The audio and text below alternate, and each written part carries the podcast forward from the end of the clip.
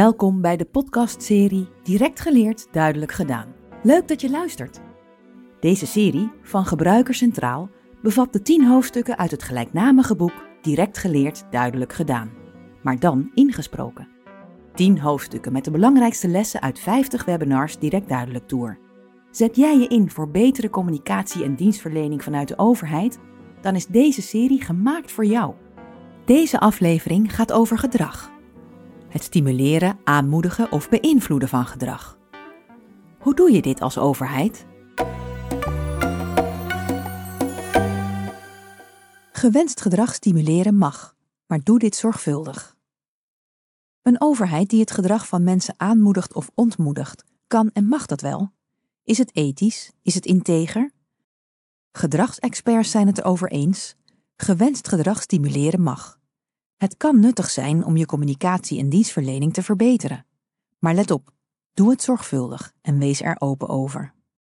Volgens Gertrude Slag, gedragsadviseur bij de gemeente Rotterdam, ben je als overheid eigenlijk altijd bezig met het aanmoedigen of ontmoedigen van gedrag. Denk aan verkeerslichten, boetes voor fout parkeren en subsidies voor zonnepanelen. Maar de vraag is hoe je het gewenste gedrag stimuleert.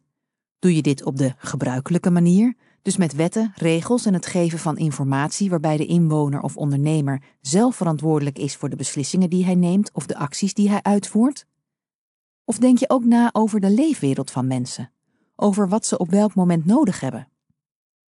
Gertrude zegt: Wat mij betreft is dat waar het stimuleren van gewenst gedrag om draait. Want hoe ethisch is het als je als overheid geen rekening houdt met je doelgroep?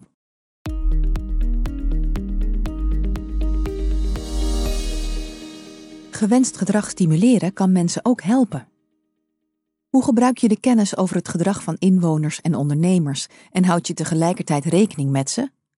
Joost Loef, senior adviseur onderzoek en gedragsverandering bij de dienst Publiek en Communicatie van de Rijksoverheid, geeft een voorbeeld. Tijdens een project dat te maken had met toeslagen, keken we wanneer we als overheid uit onszelf, dus proactief, iets voor onze doelgroep konden doen. Soms verandert er iets in de situatie van inwoners of ondernemers, bijvoorbeeld het inkomen of de gezinssamenstelling. Dit moeten ze dan zelf doorgeven, het is hun eigen verantwoordelijkheid. Maar de overheid heeft in allerlei systemen en registraties veel informatie over die mensen. Als je weet dat er in een situatie waarschijnlijk iets is veranderd, kun je ook een brief sturen met de vraag: Kloppen uw gegevens nog? Na het krijgen van zo'n brief controleerde 45 tot 60 procent van de ontvangers hun gegevens. Dat was eerst maar 20 procent. Joost zegt: Bij toeslagen gaat het vaak om grote bedragen. Misschien heb je recht op minder geld omdat jouw inkomen stijgt. Maar als jij die stijging niet doorgeeft, moet je een jaar lang ineens een groot bedrag terugbetalen. Dat brengt veel mensen in de problemen. Als overheid heb je gegevens over je inwoners. Waarom zou je die dan niet gebruiken om mensen te helpen? In dit voorbeeld van de toeslagen help je mensen enorm met een eenvoudige brief. Maar hoe zit het met onderwerpen zoals vaccinatie of orgaandonatie? En met andere thema's, met soms felle voor- en tegenstanders? Joost zegt: Kijk daarom in elke situatie waarom en hoe jij het gewenste gedrag stimuleert. Kijk naar het doel. Joost legt uit: Vaak wordt gezegd dat in overheidscampagnes die bepaald gedrag stimuleren veel kan en mag. En wel omdat ze gaan over beleid dat de Tweede Kamer heeft goedgekeurd. Maar dat vind ik te gemakkelijk. Ook over goedgekeurd beleid kan nog steeds veel discussie bestaan in de maatschappij. Bij deze onderwerpen moet je terughoudender zijn met het aanmoedigen of ontmoedigen van gedrag dan wanneer er breed draagvlak is. Kijk naar het middel. Wil je het gedrag van mensen veranderen? Doe dit dan openlijk. De Wetenschappelijke Raad voor het Regeringsbeleid adviseert dat voor iedere oplettende burger de sturingspoging te achterhalen moet zijn. Oftewel, de overheid moet altijd vertellen welk gedrag zij wil veranderen. Zelfs als daarna minder mensen doen wat de overheid graag wil. Joost zegt: Twijfel je over jullie manier van het stimuleren van gedrag? Bespreek dit dan met je collega's en leidinggevenden. Toets samen of je hiermee door moet gaan.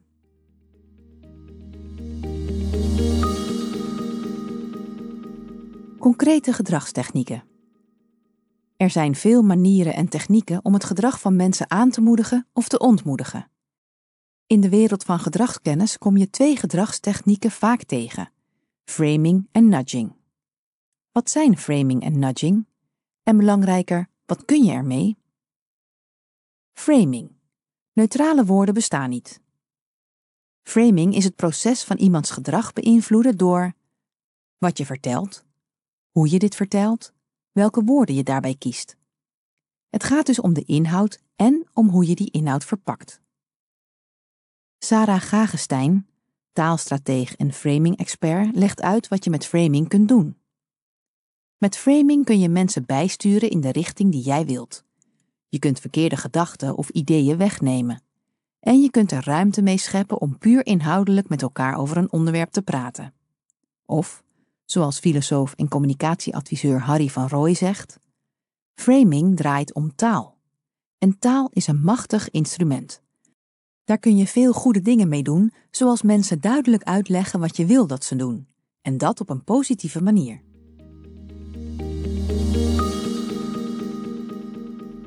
Een voorbeeld van gewenst gedrag stimuleren door framing. Vraag van een direct duidelijk tour-kijker. Mijn organisatie wil een gezonde leefstijl stimuleren en biedt daarom behandelingen aan van een leefstijlcoach en een ortomoleculair therapeut. Ze zijn bedoeld voor mensen die niet gezond leven. Maar hoe krijgen we die mensen erheen? Hoe bereiken we ze? Antwoord van Sarah. Ik maak soms de vergelijking met een huisarts. Stel, de huisarts zegt tegen een patiënt dat hij door zijn eigen gedrag in de problemen zit, dat het zijn eigen schuld is.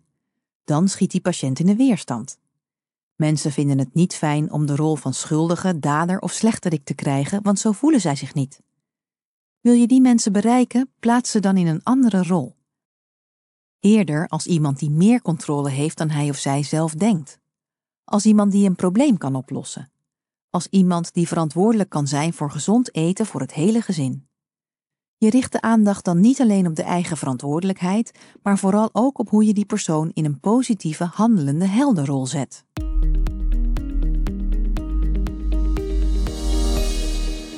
Kun je kiezen of je wilt framen of niet framen?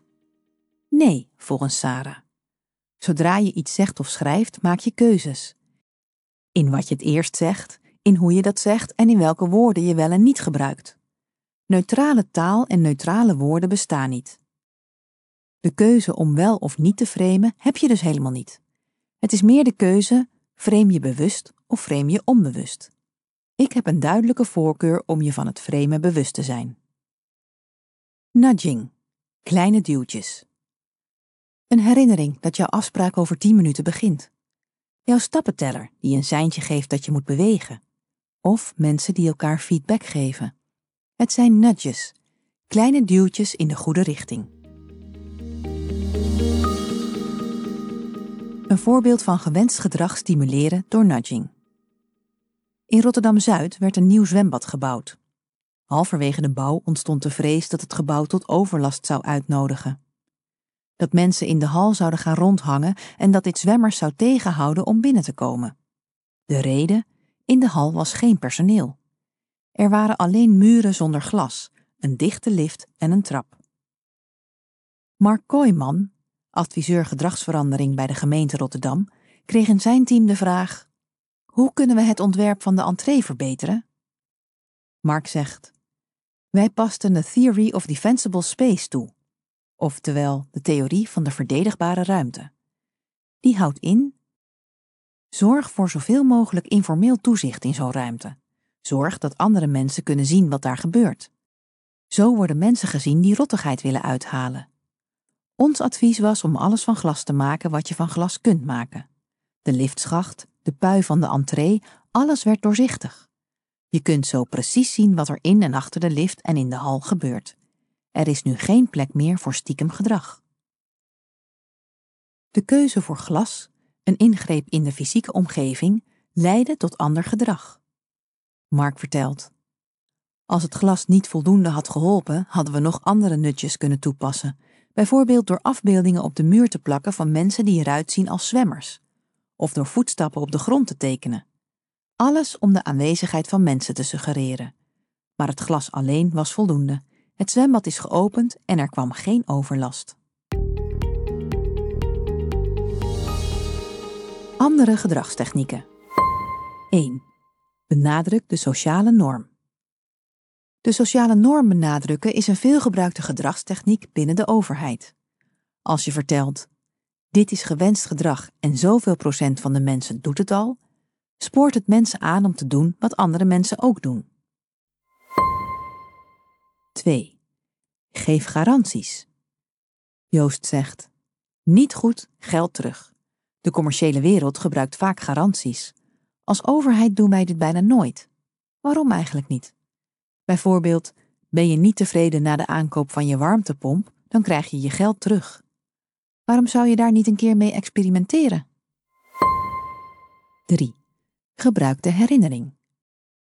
Een herinnering is een effectieve en eenvoudige manier om gedrag te veranderen. Joost legt uit: Mensen vergeten vaak iets te doen omdat ze iets anders aan hun hoofd hebben. Een simpele herinnering op het juiste moment en op de juiste plaats helpt enorm.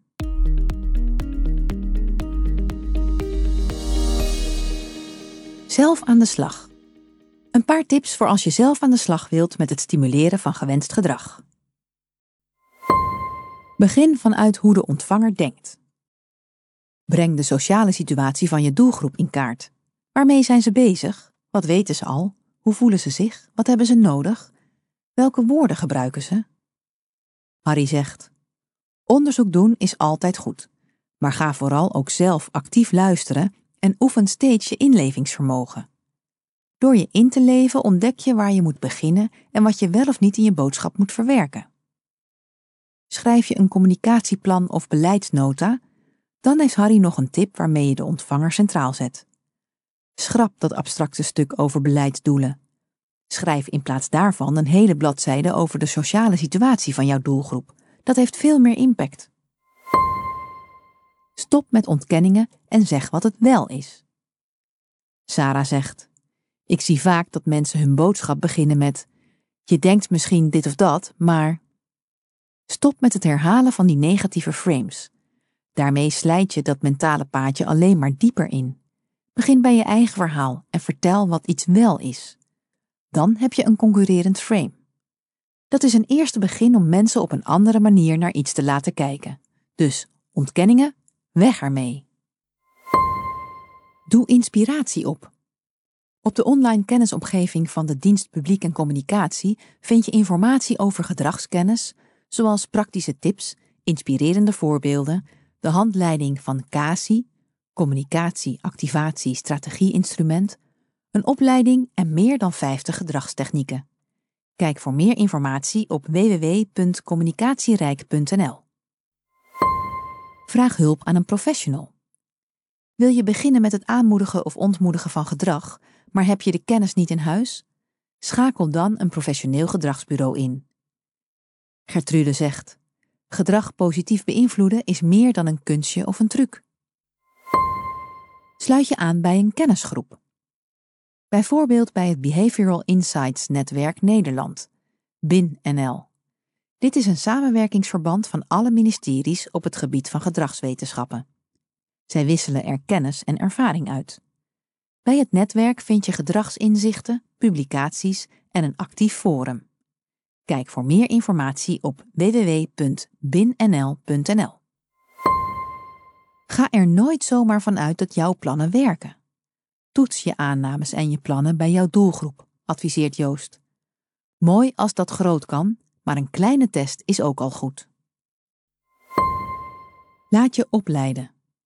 Wil je liever zelf kennis opdoen? Volg dan een opleiding over gedrag en zorg dat je zelf de expert wordt. Gertrude vertelt: Ik vind het jammer dat ik pas zes jaar geleden met gedragskennis in aanraking kwam.